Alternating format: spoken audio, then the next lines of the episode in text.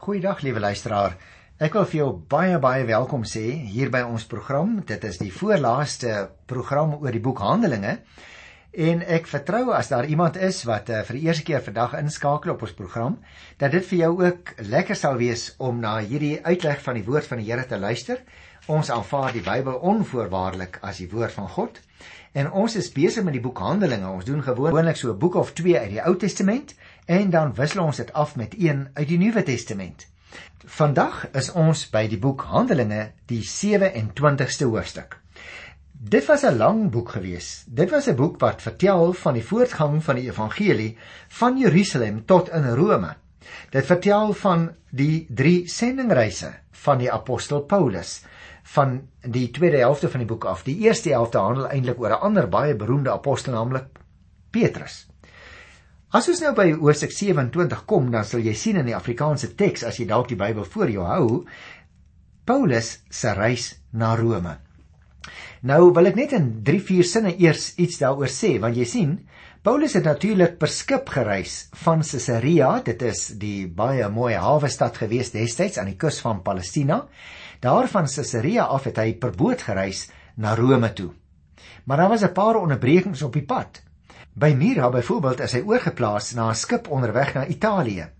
Hulle het Knides met moeite gehaal. Daarvandaan is hulle na Kreta waar hulle by 'n plek met die naam van Mooi Hawens aan wal gegaan het. En eers die volgende hawe wat hulle wou aandoen was Phoenix, maar die skip is deur die wind suidwaarts gewaai uh, hulle toe om die eiland gevaar en na 2 weke het hulle eers uiteindelik op die eiland Malta gestrand. Maar kom ek vertel vir jou so 'n bietjie van hierdie reis tussen uh, Caesarea en Rome. Ek lees die eerste 3 verse. Toe ons vertrek, nou daardie ons is natuurlik uh Lukas want Lukas het twee boeke geskryf. Lukas het die evangelie van Lukas geskryf en ook die boek Handelinge. Nou skryf hy: Toe ons vertrek na Italië toe bepaal was, het hulle Paulus en 'n paar ander gevangenes aan Julius, 'n offisier van die keiserlike regiment, oorhandig. Ons het weggevaar aan boord van 'n skip van Adramitium wat by die hawens van die provinsie Asië sou aandoen. Saam met ons was Aristarchus, 'n Macedoniër van Tessalonika. Ons het die volgende dag in Sidon aangekom. Julius was te gemoedkomend teenoor Paulus en het hom toegelaat om sy vriende te besoek. Hulle het hom van die een na die ander voorsien. Nou in hierdie eerste 3 verse, liewe luisteraars, vind ons nou weer hierdie ons uh wat ons laas in hoofstuk 21 gekry het. Lukas reis dus waarskynlik saam Rome toe. Dit wil voorkom asof Lukas nie persoonlik uh, in die omgewing van Caesarea was waar die hofsaake plaasvind. Nie maar nou is hy weer uh, op die boot en hy's deel van die geselskap.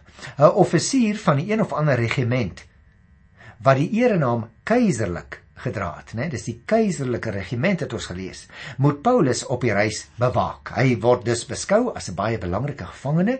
Moontlik was hulle bang dat ander Jode wat ook op die reis sou uh, kon meedoen, uh, hom in die see stamp of hom op die lewe om die lewe bring want die Jode wou eenvoudig vir Paulus het ons in die vorige programme geleer om die lewe gebring hê.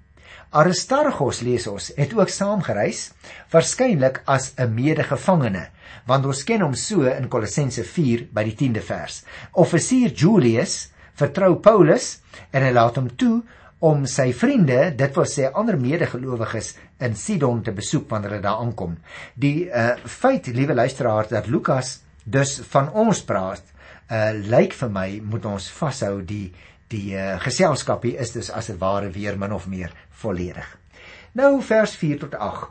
Ons het daarvandaan weggevaar en ons is aan die beskutte kant van Siprus verby omdat die wind teen ons was. Met Cilicië en Pamfilië aan ons regterkant het ons die see oorgestreek en Myra in Lycië bereik. Daar het die offisier 'n Alexandrynse skip gekry wat na Italië toe sou vaar en ons is daar opgesit. Ons het daar lank stadig gevaar met moeite reg op reg oor kniedes gekom. Toe die wind ons nie toegelaat het om verder op die koers voort te gaan nie, het ons aan die beskutte kant van Kreta in Salmone verbygevaar. Ons het met moeite langs die kus gevaar en 'n plek met die naam van Mooi Hawens bereik, naby die stad Lycia. Nou, liewe luisteraars, is interessant ons kry hier verskillende plekke wat genoem word. Nou ek gaan nie oor al daardie plekke praat nie. Ek dink as jy dit uh so 'n bietjie wil kyk waar dit is, kyk gerus voor of agter in jou Bybel as daar 'n atlas is of kyk 'n gekry gewone ou atlas uh, wat Bybellande daarin het, dan kan jy die plekke sien. Ek wil net enkele opmerkings maak wat ek dink vir ons van groot belang is. Jy sien die westewind was teen hulle want hulle vaar weswaarts van soos wat ons nou vandag noem die Palestynse kus vaar hulle weswaarts uh, in die Middellandse See in die rigting van Italië. En daarom uh, is hulle versigtig as hulle eiland kry dan vaar hulle aan die kant van die eiland om waar hulle die minste wind kry. Daarom het ons gelees hulle vaar weswaarts en noord om die eiland Siprus wat nie natuurlik nie baie ver lê van die Palestynse kus af nie en net net bereik hulle Knides aan die suidwestelike punt van Klein-Asië uh, waar Turkye vandag lê sou ons dit noem maar die noordweste wind word dan so sterk dat hulle nie hulle plan kan uitvoer om na die suidpunt van Griekeland te vaar nie. En daarom seil hulle nou af weer keer suidwaarts in die rigting van Kreta om aan die weste en die suidekant daarvan beskutting te vind. En dan by 'n plek met die naam van Mooi Hawens, daar gooi hulle anker. Ons moet nou ook natuurlik onthou, liewe luisteraars, die skepe van destyds was natuurlik nie uh, goed toegerus soos vandag. Sien nou maar byvoorbeeld met kompasse nie. En daarom moes hulle volgens die rigting uh, van die sterre hulle weg vind. Hulle moes na die sterre kyk en dan probeer bepaal waar hulle is. Ons moet nou natuurlik ook onthou in bewolkte weer byvoorbeeld was skeepvaart 'n baie gevaarlike uh, onderneming om te maak, byna onmoontlik, né? En moeilik daarbey. Dit was moeilik byvoorbeeld om in September en selfs heeltemal onmoontlik om in November in daardie deel van die wêreld te probeer vaar per skip. En hierdie voorvalle waarvan ons hier lees, het nou waarskynlik so in die jaar uh, 58 na Christus plaasgevind, heel waarskynlik in die omgewing van September. So bereken die geskiedkundiges vir ons hierdie reis. Vers 9 tot by vers 12 gaan ek nou lees. Ons het baie tyd verloor en dit het al gevaarlik begin word vir skeepvaart, want dit het al begin winter word. Paulus waarsku hulle toe: "Manne, Ek sien dat ons vaart van nou af gevaarlik sal wees en dat daar nie net groot skade aan die vrag en die skip gaan kom nie, maar ook aan lewensverlies. Die Romeinse offisier het egter meer waarde geheg aan die mening van die kaptein en die eienaar van die skip as wat Paulus vir hom gesê het. Die hawe was nie geskik om daar te oorwinter nie. En die meeste wou liewer daarvandaan wegvaar en probeer om Phoenix te bereik. Phoenix was 'n hawe van Kreta wat suidwes en noordwes see toe oop lê. Daar sou hulle kon oorwinter. Nou dis belangrik dat ons hier hierdie inligting kry want jy sien nie die 5 vasdae voor die groot versoendag einde September of begin Oktober was al verby vir Paulus hulle. Die winter was met sy storms aan die kom. Die see, so vertel ons gedeelte, was baie gevaarlik. Paulus wys nou die bevelvoerders op die gevaar met die bedoeling dat hulle liewer in mooi hawens moes oorwinter. Die offisier besluit egter anders. Die Romeinse regering, liewe luisteraar, het die skip skynbaar gehuur en daarom kan die Romeinse offisier die beslissende mening gee. Hier staan ook die eienaar van die skip en die kaptein het die offisier aangeraai om Phoenix te probeer bereik. Hulle wou dus nie in mooi hawens bly nie want dit was oop na die see se kant toe. Met ander woorde, die hele winter wat voor lê wat hulle nie kan vaar nie, moet hulle dan in daai hawe bly lê en vir die boot is dit ook baie gevaarlik want die hawe lê oop na die see se kant toe. By Phoenix was daar beter beskutting teen die wind en dit was dus eintlik 'n beter plek vir oorwintering. Maar nou kom ons by 'n interessante gedeelte. Daar kom nou 'n storm op die see.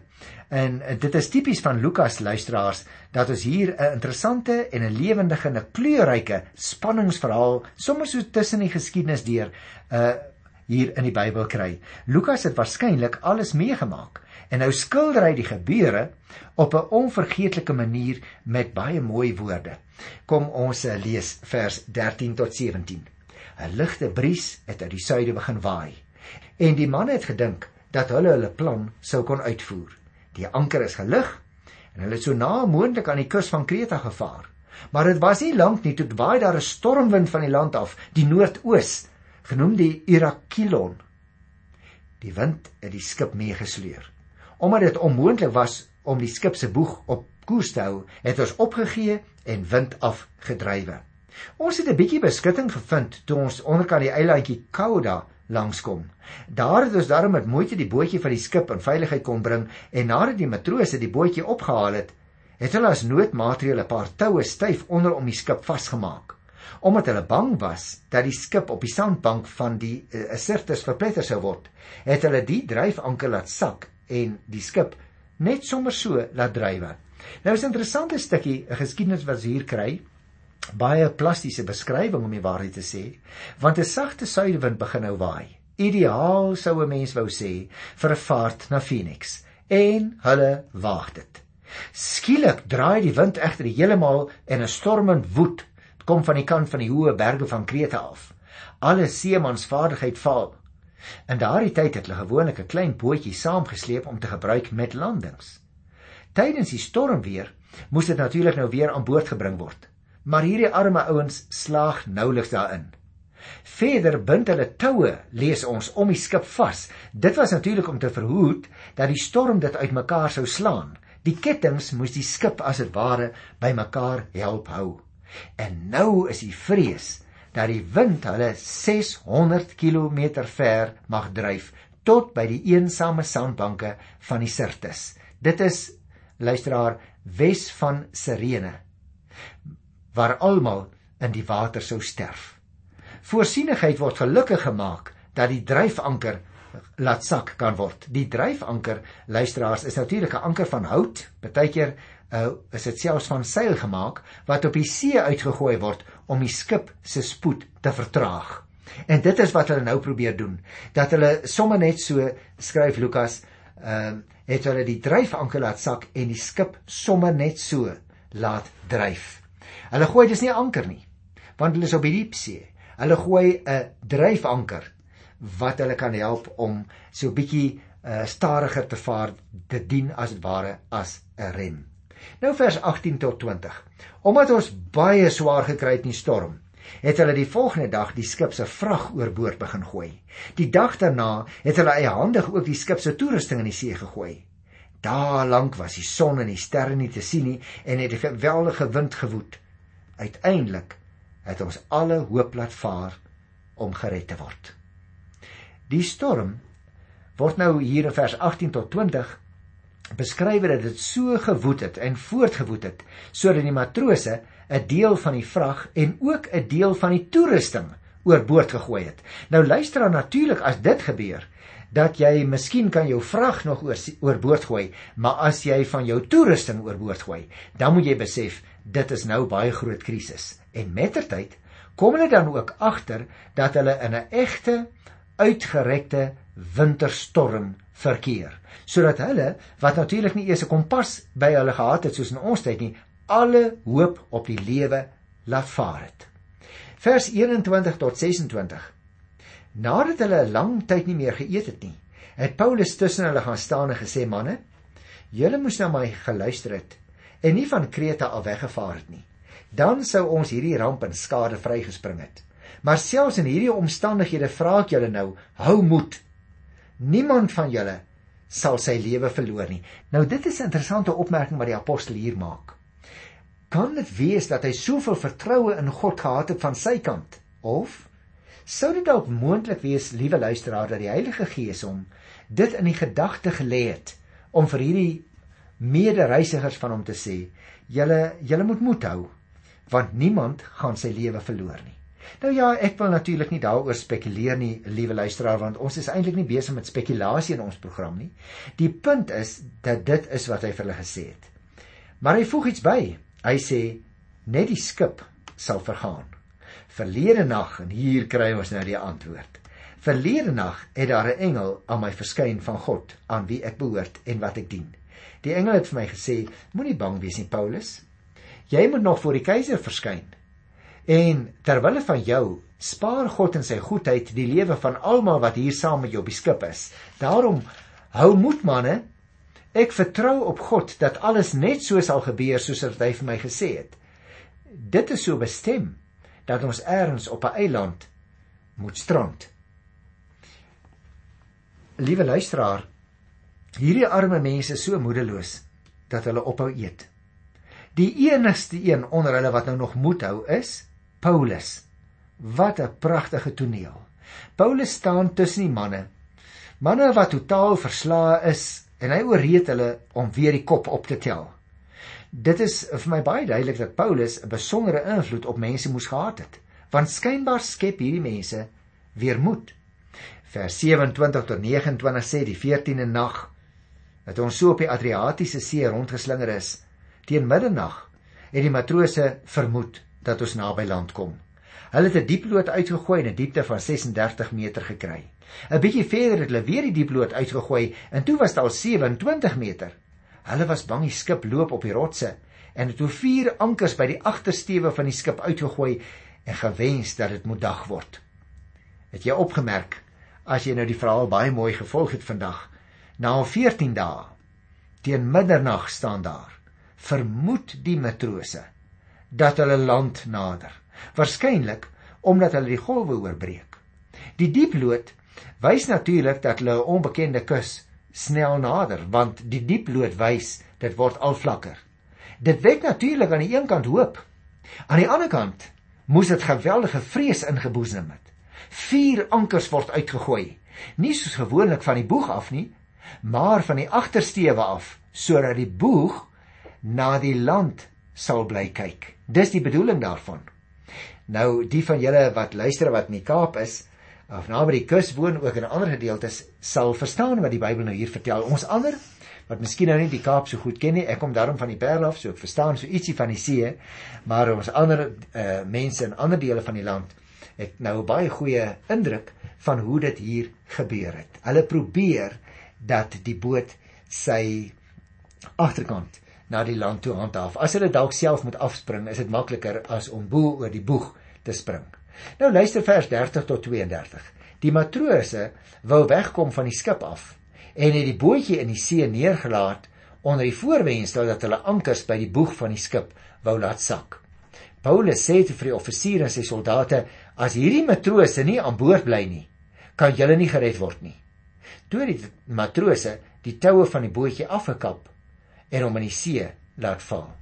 Jy sien, in 'n baie krasse stuk selfsug probeer die matroos nou die beskutting van die nag gebruik om weg te kom en sodoende die passasiers hulpeloos aan hulle eie lot oor te laat. Paulus laat hulle nou egter keer.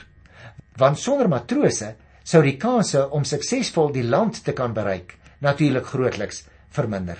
Dit laat mense amper dink aan ons eie geskiedenis, né?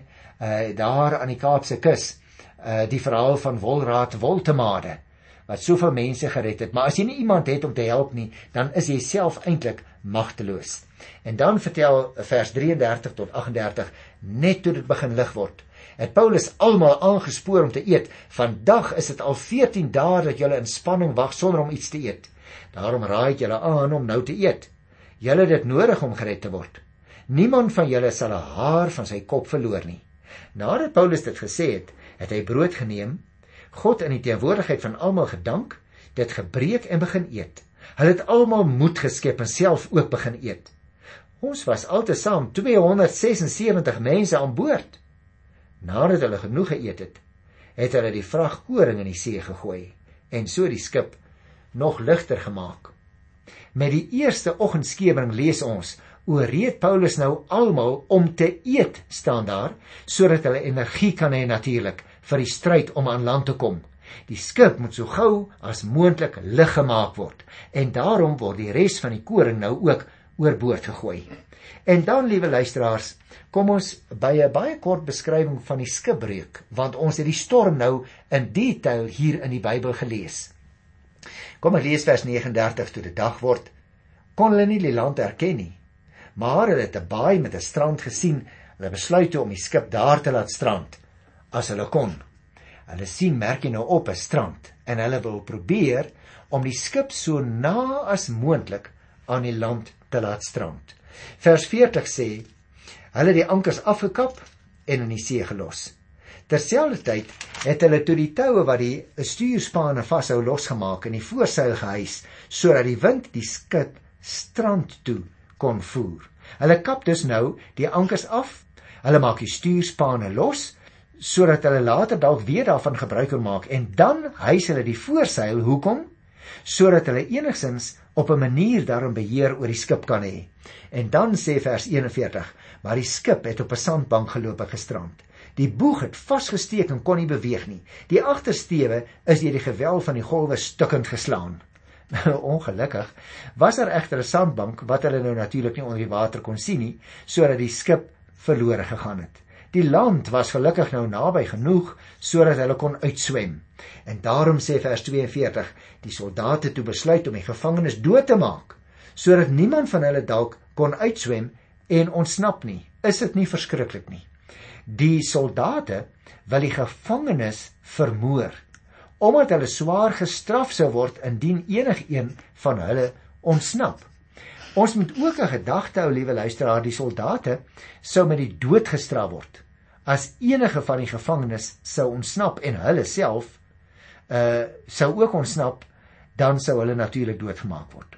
En daarom wou hulle sommer al die gevangenes net daar op die plek op die boot doodmaak om te verhinder dat hulle kan wegkom. Julius, jy onthou nog sy naam, die Romeinse offisier, wou egter Paulus se lewe red, want hy het baie groot agting gehad vir die apostel. En daardeur is Paulus toe in staat gestel om die evangelie in Rome te gaan verkondig. Julius se optrede het ook tot gevolg gehad dat Paulus se woorde, naamlik dat almal op die skip sou bly leef vervul word. Jy onthou, hy het dit uh, voorsê, hy wat Paulus is in vers 22. So daarom wil ek graag die laaste twee versies nou hier uit die Bybel self lees. Maar die Romeinse offisier wou Paulus red en het hom ver, verhinder om dit te doen. Hy het die mense wat kon swem beveel om eers oor boord te spring en land toe te swem. Die ander moes dan volg deur aan planke en aan wrakstukke vas te hou. Op hierdie manier het almal veilig aan land gekom. Dis 'n wonderlike offisier seker hierdie wat uh, wat ons hier aan die woord kry nê, want hy het soveel respek vir Paulus gehad dat hy ter wille van hom al die gevangenes wou laat red. Want jy sal onthou Paulus het mos daar gesê in vers 22 dat ek vir julle beloof almal gaan gered word, niemand sal hoef te sterwe nie. Nou hierdie almal, liewe luisteraar, uh uh is vir ons belangrik want ons lees almal slaag daarin om die geweld van die see te ontvlug sodat God se belofte aan Paulus daarvan vers 22 tot 24 heeltemal vervul word. Ons het dus, as ek dit maar net mag saamvat, hier 'n baie wonderlike reisverhaal wat vir ons dinge vertel uh van die reis op pad na Rome wat ons nie sou geweet het nie want Paulus maak nie melding daarvan in sy sendingbriewe nie. Die verhaal van die boek Handelinge moet jy onthou, het ek reg by die begin vir jou gesê, is die verhaal van die voortgang van die evangelie van Jerusalem tot in Rome. En nou, liewe luisteraar, nou kom ons baie naby die einde van die verhaal. Ek vertrou dat jy ook hierdie stukkie reisverhaal wat ons vandag behandel het, saam met my geniet het. En dan gesels ons volgende keer oor die laaste hoofstuk in die boek Handelinge, hoofstuk 28, en intussen groet ek vir jou dan in die wonderlike naam van ons Here. Tot volgende keer. Totsiens.